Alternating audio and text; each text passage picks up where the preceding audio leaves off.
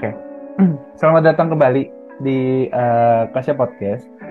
Setelah kita libur sekitar uh, setahun lebih, terakhir upload itu 16 Januari uh, 2021. Terus libur 2022, habis itu 2023 kepikiran lagi untuk bikin podcast, tapi dengan konsep yang berbeda. Kalau waktu kemarin-kemarin kayak tentang uh, gimana sih kuliah, walaupun ya uh, masih sekitar 4 episode cuman itu juga lumayan. Terima kasih yang sudah mendengarkan. Uh, total tuh yang kemarin yang terakhir tanggal uh, apa tanggal 16 Januari 2021 itu tentang insecure bersama uh, temen gue yang ada di Istanbul. Itu nyentuh pendengarnya 129 pendengar Uh, terima kasih banyak yang sudah mendengarkan. Uh, semoga bermanfaat terkait tentang insecure apalagi gitu.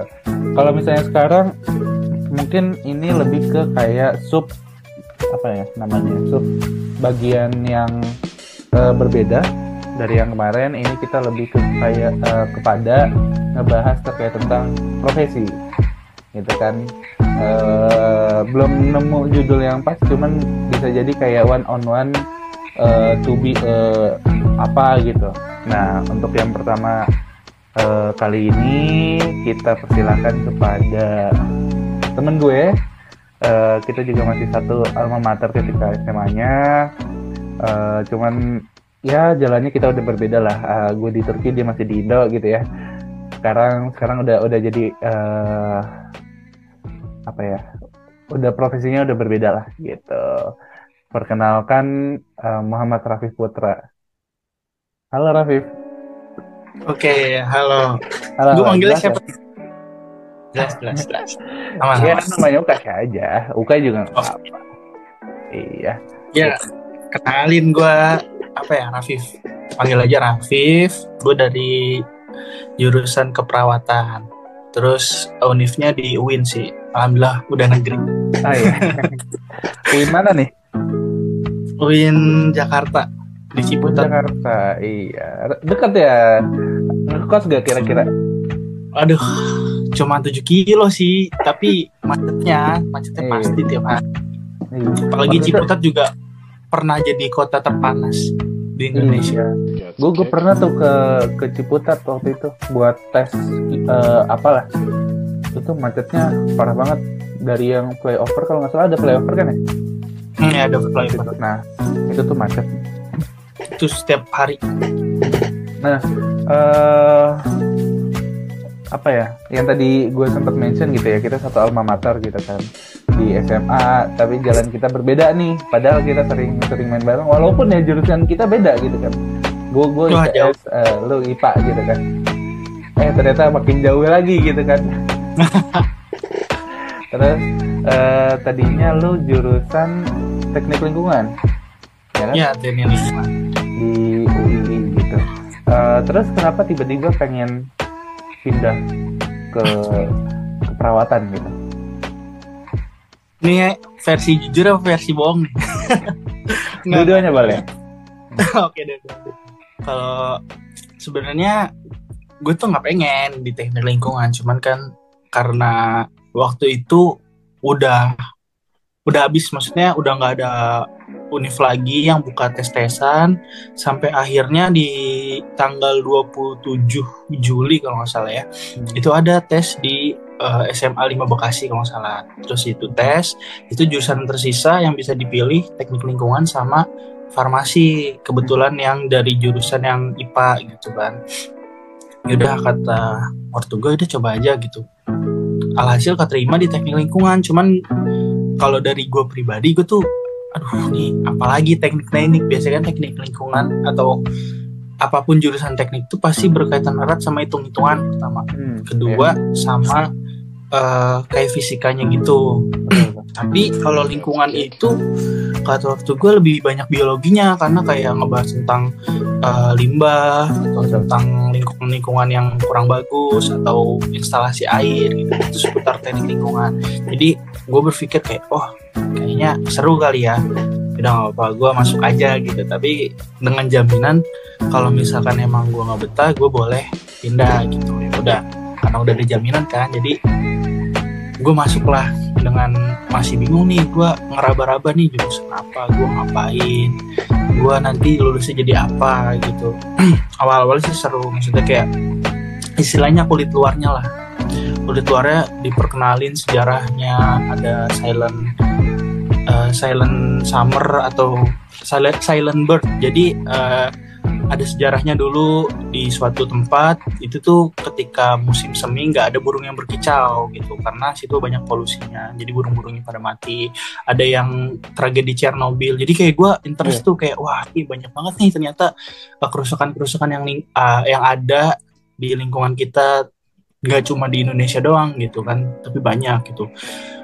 Dan menurut gue wah asik-asik nih sebelum fisika tuh menyerang. Jadi ketika semester 2 tuh ada banyak apa namanya uh, matkul-matkul yang basisnya fisika fisika gitu atau hitung-hitungan dan rumus gitu. Ada tentang fisika air atau apa mekanika fluida terus mekanika tanah. Waktu gue udah pusing tuh udah banyak rumus. Semester tiga makin makin lagi kan karena gue nyicip semester tiga itu cuman beberapa bulan gitu. Karena di situ gue apa ya waktu itu sempet ikut kayak organisasi gitu eh kepanitiaan yang tentang ospek tapi gue bagian kesehatannya. Nah di sana ketika gue jadi panitia itu lagi ada pengambilan KNS gitu. Jadi mata kuliah mata kuliah lu mau nyocokin nih mau hari apa jam berapa jadwalnya siapa gitu kan. Bisa milih dosen. Nah ketika itu gue lagi panitia dan sinyalnya nggak stabil gitu ketika gue ngambil KRS ngambil mata kuliah. Jadi gue dapetnya ampas gitu ada satu hari yang full. Jadi gue hari waktu itu hari Rabu itu dari jam 7 sampai jam 5 hmm. itu matkul semua. Dan itu matkulnya tiga matkul tuh fisika semua tentang fisika. Jadi enggak enggak tiga empat malah. Ada kalkulus terus mekanika tanah ada stat, apa ada statistik lingkungan. Jadi wah itu full hitung hitungan gue hari Rabu. Dan bodohnya gue gue nggak apa ya nggak reschedule gitulah gitu nggak yeah. ajuin banding buat nuker gitu kan. Karena kan bisa ya. Nah gue udah pernah di situ akhirnya ya udah gue mutusin pindah dan alhamdulillah keterima di UIN gitu SBM oh SBM iya SBM SBM karena dia pakai nilai kan. Nah yeah. kenapa gue pindahnya tuh ke perawatan dari teknik lingkungan? Pertama gue nggak suka hitung hitungan kedua ada satu uh, peristiwa yang memorable gitu. Jadi ketika gue jadi panitia kesehatan itu ada salah satu maba yang sakit di di sudut tertentu lah gitu. Jadi kan kita kan karena itu satu univ yang sangat besar dan mabanya juga waktu itu ada lima ribuan. Jadi ada banyak tempat gitu kan. Nah, gue jaga di salah satu tempat dan ketika gue mau ngambil uh, persediaan atau obat gitu kan, gue dengar dari monitor kan ada uh, maba yang sakit. Tapi maba yang sakit itu perempuan dan dia tuh cuma ngeringis doang gitu megangin perut. Dia nggak bisa ngomong bukan nggak bisa ngomong ya maksudnya nggak mau ngomong gitu kenapa sakitnya? Uh, jadi kan petugas kesehatan di sana nggak tahu gitu kan. Udah akhirnya uh, koordinasi lah sama yang megang hati oh yaudah kak uh, saya aja yang ke sana sekalian uh, ngasih obat ke kelompok yang ini biar saya tanya-tanya juga gitu Nah, ketika sampai di lokasi ada uh, kating lah. Kating bilang uh, gimana kak gitu. Uh, uh, ininya mabanya. Iya Viv udah saya udah saya tanyain tapi nggak mau jawab jawab gitu. Coba deh kamu siapa tahu bisa. Siapa tahu dia mau ngomong gitu. Karena posisi pasien itu selonjoran di kayak di apa ya kayak di pohon gitu selonjoran di pohon terus sambil megangin perut mikirnya gue duduk lah bersimpuh gitu. Terus gue tepuk apa namanya pundaknya ini gitu kan. Adek kamu kenapa? gitu. Bagian mana yang sakit? Sebelah sini kak. Terus pas dia ngomong kayak gitu gue langsung lihat-lihatan nih sama kakak yang tadi gitu kan. Terus gue nengok lagi ke anaknya. Kira gue tanya-tanya namanya siapa? Tinggal di mana? Nggak kos atau di rumah? Terus pernah riwayat penyakit atau enggak, udah makan atau belum, pokoknya yang seputar-seputar penyakit itu, ternyata dia punya asam lambung dan punya obat rutin. Jadi lebih baik kita pulangin aja gitu, karena kan kalau udah punya obat rutin istilahnya udah udah fix dia pakai obat itu daripada kita kasih obat malah nggak yeah. sembuh atau kurang maksimal gitu kan. Nah, akhirnya uh, selesai terus diskusi sebentar sama anak FK gimana baiknya. Habis itu kita koordinasi ke ketuanya akhirnya di, dibolehin pulang. Nah terjadilah diskusi di situ. Sama kakak yang tadi cutting yang tadi perempuan juga kebetulan. Dia bilang kok lu bisa sih ini apa namanya uh, ngob ajak ngobrol dia? Ya gue nggak tahu kan tapi kan ya tinggal ngajak ngobrol aja tapi sama gue dari tadi dia nggak mau ngomong-ngomong gitu. Diem terus cuma kesakitan doang gitu.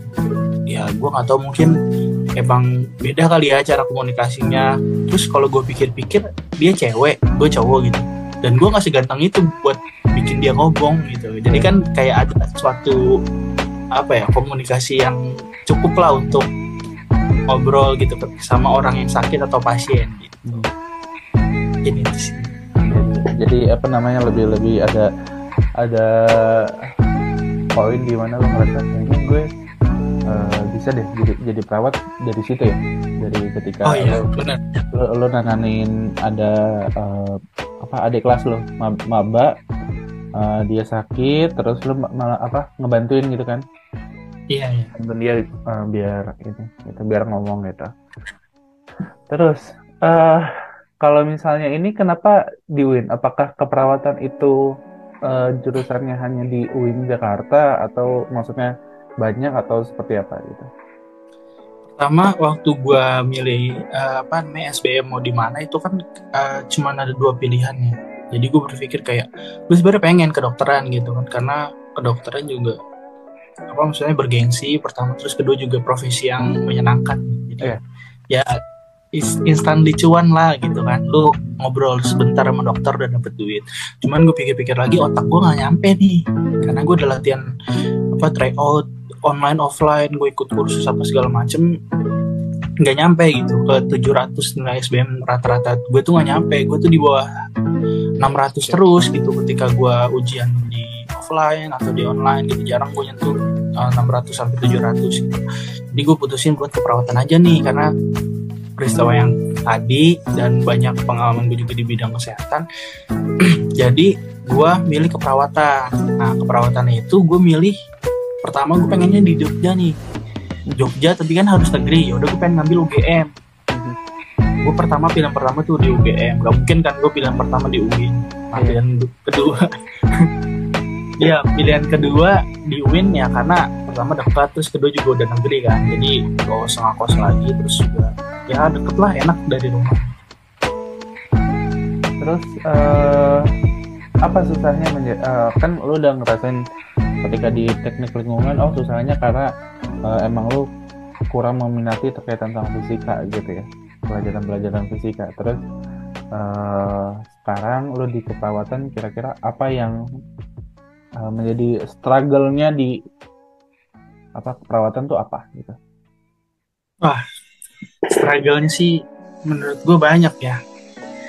Banyak banget karena pertama kalau misalkan untuk uh, kita awalnya kita nggak tahu atau nggak dari SMK kesehatan kita tuh harus banyak banget ngapalin tentang bagian-bagian tubuh manusia fungsinya terus uh, normalnya gimana kalau lihat orang sakitnya gimana misalkan kayak misalkan suhu normal kita di bawah 30 36,7 kalau misalkan dia udah mulai sakit dia bisa di bawah 36 uh, bisa di atas 30 36,7 atau 37 ke atas itu udah dibilang panas. Jadi kayak kita harus ngafalin tiga kondisi gitu. Kondisi normal kondisi dia berlebih atau kondisi dia menurun. Gitu. jadi itu pertama struggle tuh kan struggle-nya itu. Terus kedua banyak uh, laporan-laporan. Banyak yang harus ditulis tangan kemudian banyak uh, yang harus terutama yang diapalin sih. Jadi kayak kita kita mau ngasih uh, infus ke pasien misalkan. Jadi kita harus tahu pertama harus nyiapin apa nih oh rekam medis pasien. Jadi pasiennya kenapa harus diinfus? Karena dia kekurangan cairan gitu. Kekurangan cairan diinfus infusnya jenisnya apa pakainya berapa gitu dihitung dulu. Terus baru kita ke pasien. Ke pasien salam dulu perkenalan gitu kan nyiapin alat-alat. Baru kita kasih ngobrol-ngobrol sebentar baru tindakan. Tindakan juga harus bener nih harus berurutan harus disterilin dulu kah kulitnya. Langsung pasang dulu set infusnya baru ditusuk baru disambungin. Terus sudah selesai. Jadi kayak awal-awalnya sih emang susah gitu. Kayak wah ini banyak banget nih hafalan tugasnya banyak banget. Apalagi sistem keperawatan di UIN itu beda bang nah, jadi bedanya itu dia mata kuliah kalau normal itu kan sistemnya SKS ya hmm. kalau ini sistemnya modul tetap SKS juga sih maksudnya penyebutannya modul gitu. Jadi kan kalau misalkan lu kuliah ber, uh, biasa Senin misalkan bahasa Indonesia terus Selasanya uh, sejarah atau apa gitu matkulnya kan gitu. Kalau gue enggak, jadi per modul nih. Jadi misalkan gue ada 24 SKS. Nah, modulnya tuh misalkan ada 5. Nah, modulnya itu variasi. Ada yang uh, 2 SKS, ada yang 3 SKS, bahkan ada yang 7 SKS. Nah, uh, ibaratnya satu SKS itu satu minggu. Nah, satu SKS satu minggu, dua SKS dua minggu. Jadi kalau misalkan di gue itu udah ditetapin nih, misalkan semester 1 24 SKS. Berarti 24 minggu kan. 24 minggu itu sama dengan 6 bulan. Berarti pas tuh. Makanya satu SKS itu satu minggu. Nah, ketika ada matkul yang sampai itu, sampai dengan 7 SKS itu berarti kita selama 7 minggu berturut-turut belajar tentang itu misalkan tentang anatomi manusia kita uh, dapat dua SKS dari hari Senin kemudian Selasa Rabu Kamis Jumat itu tentang anatomi semua. Anatomi pertama dari misalkan bagian muka itu muka hari Senin dijelasin fungsi-fungsinya segala macam. Hari Selasanya udah pindah nih anatominya udah bagian tangan kemudian Rabunya ini segala macam. Jadi dalam satu hari itu ya kayak anak SD gitu. Dari jam 7 kadang ada yang sampai uh, kadang bahkan ada yang mulai itu dari jam setengah tujuh udah mulai sampai jam 5 kadang kadang paling cepat sampai jam satu. Jadi dari pertama waktu terus pelajaran materi tugas itu tuh berat banget awalnya karena emang belum terbiasa kan. Tuh lumayan sih. Oke, berarti struggle-nya di bagian itu ya. Terus kalau misalnya ini, gue gue sempat ngeliat di mana ya? Di di TikTok apa? Ada kayak uh, tata cara beretika sebagai sebagai dokter gitu. Jadi apa namanya ada latihannya juga tuh uh, kayak kita masuk ke dalam ruangan, terus kita tuh harus ngomong ini ini ini ini kalau enggak nilainya kurang gitu-gitu. Kalau misalnya di kelautan ada gak? Wah itu ada itu nama uji jadi sih itu namanya ujian gitu. Kalau di gue namanya ujian OSCE OSCE itu iya OSCE ah iya benar OSCE berarti kedokteran sama keperawatan itu emang ada kan OSCE jadi dia yang tadi gue bilang kita harus berurutan nih. Misalkan uh, infus ya infus pertama tuh kita harus lihat rekam medis pasien. Rekam medis pasien itu nomor satu. Nomor duanya di SOP-nya harus uh, persiapin alat. Istilahnya kita dari ruangan dari ruang perawat nih dari ruang perawat kita nyiapin alat udah bener gak? Udah bener semua. Nanti tahap ketiganya kita ngetok pintu uh, sambil assalamualaikum assalamualaikum. Terus uh, masuk dipersilahkan masuk terus kita masuk berdiri di samping pasien. Kita perkenalan nih. Perkenalkan ibu saya perawat Rafif yang berdinas hari ini mulai dari jam 7 sampai jam 9 eh dari jam 7 sampai jam 2 misalkan. Terus uh, saya di sini uh, tujuannya untuk memberikan infus gitu agar cairan ibu uh, terkontrol. Dan juga apa namanya sini saya akan memasang infus selama 10 menit. Sebelumnya apakah ibu bersedia? Nah itu inform konsen apakah ibu bersedia? Jadi kita menanyakan kesediaan pasien gitu. Jadi kan Betul. ada tuh kayak misalkan sebelum operasi, nih mau operasi usus buntu nih, uh, tolong keluarganya tanda tangan dulu, ntar dijelasin kan sama dokter. Hmm. Nah itu perawat juga sama tuh, jadi setiap tindakan mau kita nyuntik, mau kita infus, mau kita ambil darah, itu pasti ada persetujuan, ibu bersedia nggak gitu. Itu kalau misalkan di ujian ya, tapi kalau misalkan di lapangannya ya nggak terlalu formal dan nggak terlalu sebanyak iya. ujian tapi, tapi ada, ada ada materi dan ada di ujian kan ya itu paling banyak ya yang paling banyak gue hafalin ujian gue lupa ujian apa itu sampai 75 75 kotak. Aha. jadi gue paling dari awal nih perkenalan ini, ini segala macem nyiapin ini nyiapin ini. Harus ini harus pakai sarung tangan gitu. Oke oke oke. Nah uh, lanjut terkait tentang tadi kan udah kita ngebahas tentang struggle. Terus uh, apa sih? Maksudnya kan uh, gue sebagai orang awam gitu maksudnya uh, ya kita tahu oh, dokter ini perawat ini tapi apa yang membedakan secara cara ini uh, yang bisa dilakukan oleh dokter tidak bisa dilakukan oleh perawat dan yang bisa dilakukan oleh perawat apakah tidak bisa dilakukan oleh dokter tuh apa aja gitu? Hmm, oke. Okay. jadi basicnya itu dokter itu cure perawat itu care. Jadi uh, itu dia menyembuhkan. Jadi dokter itu ya istilahnya kayak detektif. Dia tuh menganalisa nih mana nih bagian uh, penyebab penyakitnya gitu. Gejala-gejalanya apa aja nih yang masuk sama penyakit misalkan DBD misalkan dia panas tinggi selama tiga hari muncul ruam merah. Itu dokter tuh yang nentuin diagnosanya. Uh, pasien ini kena penyakit apa. Tapi kalau misalkan perawat itu dia lebih caring. Setelah dia udah tahu masalahnya ada di demam berdarah jadi kita harus ngapain nih? Nah di perawat juga ada uh, diagnosanya diagnosa perawatan. Jadi berbeda diagnosa perawatan itu kayak penata laksanaan pasiennya kayak harus kayak gimana? Apakah harus dimasukin infus kah? Infusnya apa? Terus uh, obatnya apa? Kolaborasi sama farmasi gitu. Hmm. untuk dokter biasanya cuman uh, ini penyakit, diagnosa penyakitnya apa, kemudian uh, biasanya dia ngevaluasi juga gitu. Jadi uh, sehari setiap satu hari itu dokter visit gitu.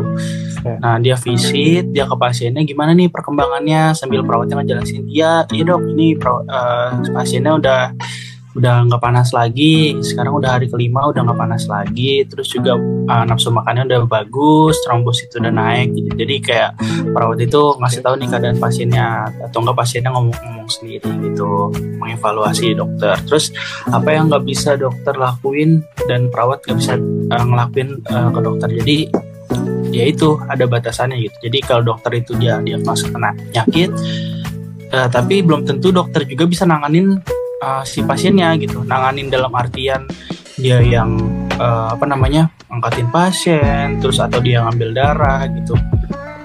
Itu belum tentu semuanya bisa gitu karena itu kan harus ada latihan kompetensinya juga gitu. Sedangkan perawat itu nggak bisa ngediagnosa dokter gitu tapi dia bisa menyarankan gitu. Jadi karena dia udah belajar uh, bagian-bagian anatomi fungsi-fungsi tubuh jadi kayak bisa disaranin gitu kayak dok kayaknya kalau dikasih infus uh, ini kurang deh kayaknya kalau ditambahin ini lebih bagus gitu hmm. itu uh, perawat bisa menyarankan makanya pentingnya kita sebagai perawat itu paham-paham tentang penyakit tentang apa namanya penjelasan penyakitnya atau perjalanan penyakitnya itu karena jadi kita bisa diskusi gitu sama dokter jadi di rumah sakit itu sistemnya bukan dokter itu ketuanya kita itu jadi bawahannya tapi kita tuh kolaborasi gitu jadi hmm. saling melengkapi satu sama lain perawat juga nggak bisa apa namanya merawat pasien kalau misalkan dia nggak tahu nih eh dia dia tahu uh, pasien itu harus mempunyai gizi seimbang harus lebih tinggi protein harus lebih banyak karbohidrat atau rendah gula itu harus dikonsultasin ke bagian gizi gitu. Dari bagian gizi di asesmen lagi ke pasiennya pasien suka makan ini enggak suka makan ini. Jadi kita kolaborasi. Untuk obat juga dokter kolaborasi ke farmasi ke perawat juga. Jadi semuanya itu sebenarnya saling melengkapi bukan atasan ke bawahan gitu sistem tenaga kesehatan. Uh, sekarang udah tahun keberapa di? Di UIN masuk tahun ketiga nanti bulan Maret. Alhamdulillah sekarang masih libur. Libur Maret kalau misalnya di keperawatan tuh ada kayak koasnya nggak sih? Kalau di keperawatan kita namanya nurse. Jadi setelah uh, eh, 8 semester, bakunya di UIN itu 8 semester. Berarti 4 tahun. Kita wisuda. Ah? Berarti 4 iya, tahun. wisuda. Oh, 4 tahun berarti ya 8 semester. Okay. Habis itu wisuda. Nah, kemarin pengalaman dari kancing, dia itu habis wis uh, sebelum wisuda, maksudnya udah dinyatakan lolos, tinggal nunggu wisuda gitu kan. Jadi kan ada jeda waktunya. Yeah. Dia itu udah masuk nurse Iya udah udah masuk program nurse gitu. Jadi udah masuk duluan. Jadi pas wisuda itu kebetulan dia habis shift malam gitu. Kayak aduh kasihan banget deh gitu. Jadi lu bayangin aja dari jam 9 eh dari jam 8 malam terus jam tujuhnya udah harus pulang harus dandan buat wisuda. Jadi kayak wah itu struggle banget sih untuk dia gitu pengalaman dia. Nah terus untuk perawatan namanya nurse. Jadi setelah wisuda kita uh, selama satu tahun atau dua semester itu full di rumah sakit. Nah di rumah sakit ngapain aja? Ya kita selayaknya mereka gitu, mereka yang benar-benar udah jadi perawat gitu. Jadi kita bantuin, kita sambil ngobservasi, oh gimana sih caranya, alurnya gimana. Kalau misalkan pasien datang harus dikemanin dulu gitu, terus uh, treatmentnya gimana, pemasangan ini gimana? Karena banyak banget tindakan-tindakan keperawatan itu. Jadi harus sering dilatih. Dan dilatihnya bukan ke boneka atau ke phantom. Jadi harus latihan langsung. Makanya ada program nurse. Jadi setelah uh, lulus nurse kita satu tahun lulus nanti sebelum jadi perawat sebelum jadi dapat istilahnya apa dapat identitas perawat itu atau uh, pokoknya label kalau lu itu seorang perawat harus uh, ngelewatin UKOM atau uji kompetensi. Jadi kayak SBMPTN lah kayak UN gitu ujian nasional. Nanti ada batas nilainya. Kalau lu lulus berarti lu berhak uh, jadi perawat dapat STR nah STR ini dipergunakan untuk nanti ngelamar kerja kalau masuk sakit rumah sakit gitu. Oh berarti ada kayak keprofesiannya juga ya? Hmm keprofesian namanya nurse. Oke. Okay. uh, terus setelah setelah tiga tahun gitu kan. Uh, kayak ada uh, mungkin kayak KKN-nya atau magangnya gitu. Ada. Magangnya ada. Waktu itu gue sempet dua kali sih bang. Jadi yang pertama di Fatmawati yang kedua di RS Haji Pondok Gede. Hmm. itu maksudnya uh, ngapain aja tuh ketika magang tuh uh, kita tuh uh, kerja atau gimana Oke, jadi sistemnya itu kayak kita nyari pengalaman sih. Kayak praklinik lah sebelum masuk rumah sakit kita harus iya. tahu dulu di sana ngapain. Jadi kita dikasih tugas atau dikasih uh, semacam kayak apa namanya tabel apa namanya apa ya namanya pokoknya list-list gitu jadi yeah. ada list misalkan uh, infus kedua um, memberi makan pasien ketiga pengkajian atau segala macam. Jadi itu tabel yang harus diisi sama kita selama kita uh, di rumah sakit tersebut gitu. Jadi kita nggak bingung nih di, di rumah sakit terus ngapain gitu. Jadi di sana juga dibimbing sama kakak perawatnya. Jadi kita ber, uh, apa ya ngobrol-ngobrol kak nih selanjutnya jam segini ngapain nih? Oh misalkan udah jam 12 deh jam 12 kamu cek infusnya A terus kasih obat ke B terus kasih obat ke C. Nanti jam segini kamu uh, mengukur tekanan darah, misalkan tekanan darah ini jam segini ya gitu. Jadi kita di sana ngelakuin apa yang dilakukan perawat gitu, tapi dengan bimbingan mereka karena kita kan juga masih bingung gitu, apalagi pertama kali di Fatmawati di rumah sakit besar dan rujukan nasional gitu. Sama, tapi nggak digaji. Iya. nggak ada uang makan nggak ada uang transport jadi gaji jadi ya ya udah kita nyari pengalaman iya. berarti apa namanya kita magang tuh kayak udah kayak selayaknya perawat tapi kita dibimbing dan ya udah kita cari pengalaman aja di sana gitu ya iya betul oke okay. terus apa namanya uh, mungkin mungkin kita udah udah mendekati akhir kali ya kayak kayak penasaran kalau misalnya kayak di dokter kan kayak ada uh, dokter umum habis itu uh, spesialis bla bla bla bla. Itu kan kalau nggak salah tuh hampir kayak puluhan tahun untuk ada kayak jenjang karirnya gitu kan. Nah kalau misalnya di keperawatan apakah kayak gitu? Atau contoh gini uh, apakah ada kayak S2-nya atau ada kayak ya seperti itu. Soalnya kan kayak kayak ya. masih masih jarang gitu ya.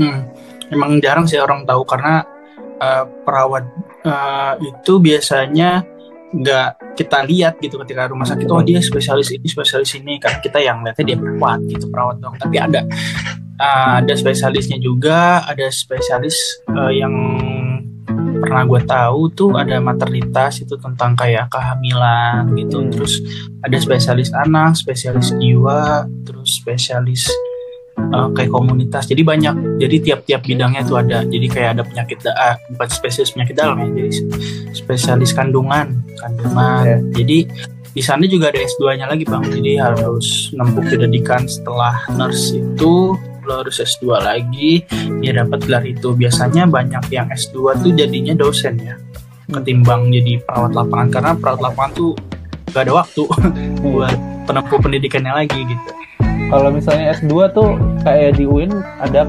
atau di universitas tertentu aja gitu?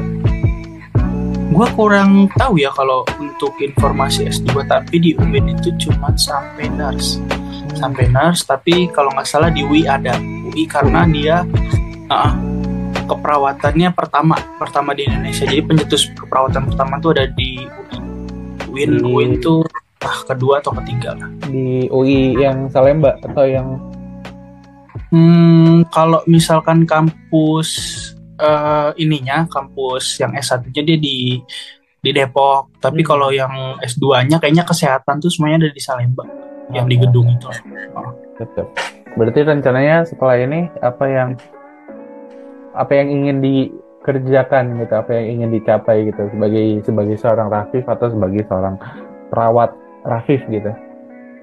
Eh, sebagai perawat ya, gue sih sebenarnya pengen kebagian ini sih bang, kegawat daruratan. Jadi kayak orang yang patah tulang atau orang yang butuh penanganan cepat harus di RJP gitu atau enggak perawat yang di, di bencana alam karena gue juga baru baca nih ternyata ada pe- perawat yang eh, kerjanya di bencana alam gitu jadi ketika ada bencana dia bakal turun gitu buat eh, apa namanya memulihkan orang-orang yang sakit atau menenangkan gitu. Jadi ada bagian-bagian spesialis kejiwaannya juga mungkin ya Betul. karena uh, kemarin juga waktu bencana di Cianjur gue sempet turun. Iya. Jadi itu ada keterkaitan hipertensi sama bencana tersebut gitu. Jadi ketika di Cianjur diguncang bencana gempa dan itu juga berkali-kali bahkan lebih dari 200 kali ya Betul. itu tuh sampai ada dia eh, mungkin udah tua ya udah lansia tapi masih ya 50-60 tahun lah.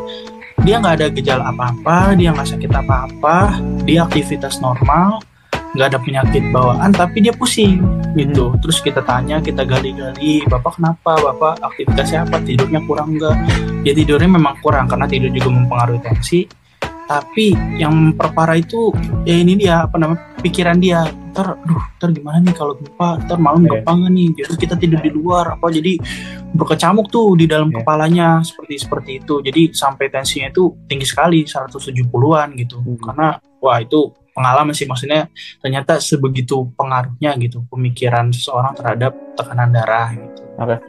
Eh, berarti maksudnya eh, ketika bencana itu tuh bukan secara fisik doang yang yang Hmm. harus kita jaga, tapi secara secara kondisi di dalamnya juga ya. Maksudnya kayak Hmm. ternyata maksudnya itu itu eh, masukan baru tuh kayak eh selain selain contoh mungkin ya kan kita juga melihat kayak korban lumayan banyak juga eh, secara secara fisik banyak yang luka dan sebagainya gitu kan. Tapi ternyata di dalamnya juga kita butuh ada kayak eh, konseling gitu ya kayak apa namanya biar biar tidak tidak terlalu stres gitu gitu biar ada juga yang kayak menyembuhkan dari mentalnya juga ya kan ya iya gitu Jadi waktu kemarin gua turun bencana di Cianjur itu ada tim, ada tim khusus namanya trauma healing. Nah trauma healing itu eh, dikelompok-kelompokkan lagi bang. Jadi ada yang trauma healing buat anak-anak, ada yang buat dewasa, ada yang buat lansia. Jadi eh, treatmentnya juga beda-beda. Jadi kalau ke anak-anak tuh kayak kita nyanyi-nyanyi, terus Oke, apa namanya ngobrol-ngobrol, games segala macam. Kalau ke lansia mungkin kayak ada yang sesi eh, ngobrol-ngobrol juga atau deep talk atau kita sambil apa ya nari-nari atau kegiatan-kegiatan yang cocok lah sama lansia. Tuh jadi untuk menghilangkan apa ya eh, pikiran-pikiran dia tuh dari trauma itu dari apa gempa-gempa tersebut gitu. Pikiran-pikiran. Eh, Biar ya maksudnya maksudnya kayak eh, kan kebanyakan orang tuh eh, kepikirannya harus kirim makanan harus apa tapi Hmm. ternyata juga kita butuh loh untuk untuk bikin mereka tuh meng- eh, menyembuhkan walaupun kita nggak bisa menghilangkan traumanya tapi setidaknya kita bisa memperingan eh, rasa trauma Hmm. mereka gitu dan yang jarang orang tahu ya jadi eh, kemarin eh, itu gue juga masuk konferensi kayak eh, ID terus eh, kayak Dinkes Dinas Kesehatan Indonesia atau bagian-bagian Jawa Barat terus pokoknya yang berkecimpung di bagian kesehatan jadi di sana itu di Cianjur itu salah satu eh, daerah yang eh, ODGJ-nya tuh lumayan banyak jadi ketika gempa ini apa ya? eh, ada yang orang schizophrenia gitu harus ditangani harus punya ruang khusus. Jadi kan kita mikirnya kayak wah ya udah sediain aja tenda yang banyak gitu atau tenda ini tenda itu. Ternyata eh, eh, ada yang perlu di concern lagi nih ternyata ada ODGJ yang harus ditangani harus ada yang dibawa ke sini dirujuk ke sini harus dibedain dibedain ruangan ya karena kan betul betul. uh, bisa mengganggu gitu. Apalagi semuanya sama-sama panik kan. Betul betul. Jadi apa namanya uh, bukan resolusi ya lebih ke kayak ke depannya uh, lo pengen kayak uh, mungkin fokusnya di kayak unit gawat darurat atau di bagian kayak bencana-bencana seperti itu iya sih tapi sempat diarahin juga gue ke kayak manajemen rumah sakit gitu sih. Dari saran dari apa namanya adik gue karena dia juga perawat kan. Jadi gue masih bingung nih sebenarnya Iya, tujuan gue antara dua atau tiga itu sih. Oke siap. Jadi segitu aja kali ya terkait tentang uh, panjang. Iya, enggak.